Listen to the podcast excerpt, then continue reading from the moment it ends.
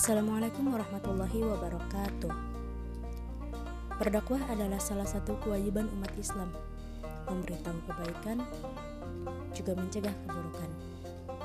Dan berdakwah, insya Allah bernilai pahala di sisi Allah. Maka dari itu, podcast ini hadir sebagai ajang untuk menebar kebaikan, insya Allah, dan sebagai wasilah saya untuk mendapat pahala dari Allah. Juga sebagai pengingat diri saya akan kelemahan saya dan juga keterbatasan saya. Share podcast ini apabila kamu merasa podcast ini bermanfaat. Assalamualaikum warahmatullahi wabarakatuh.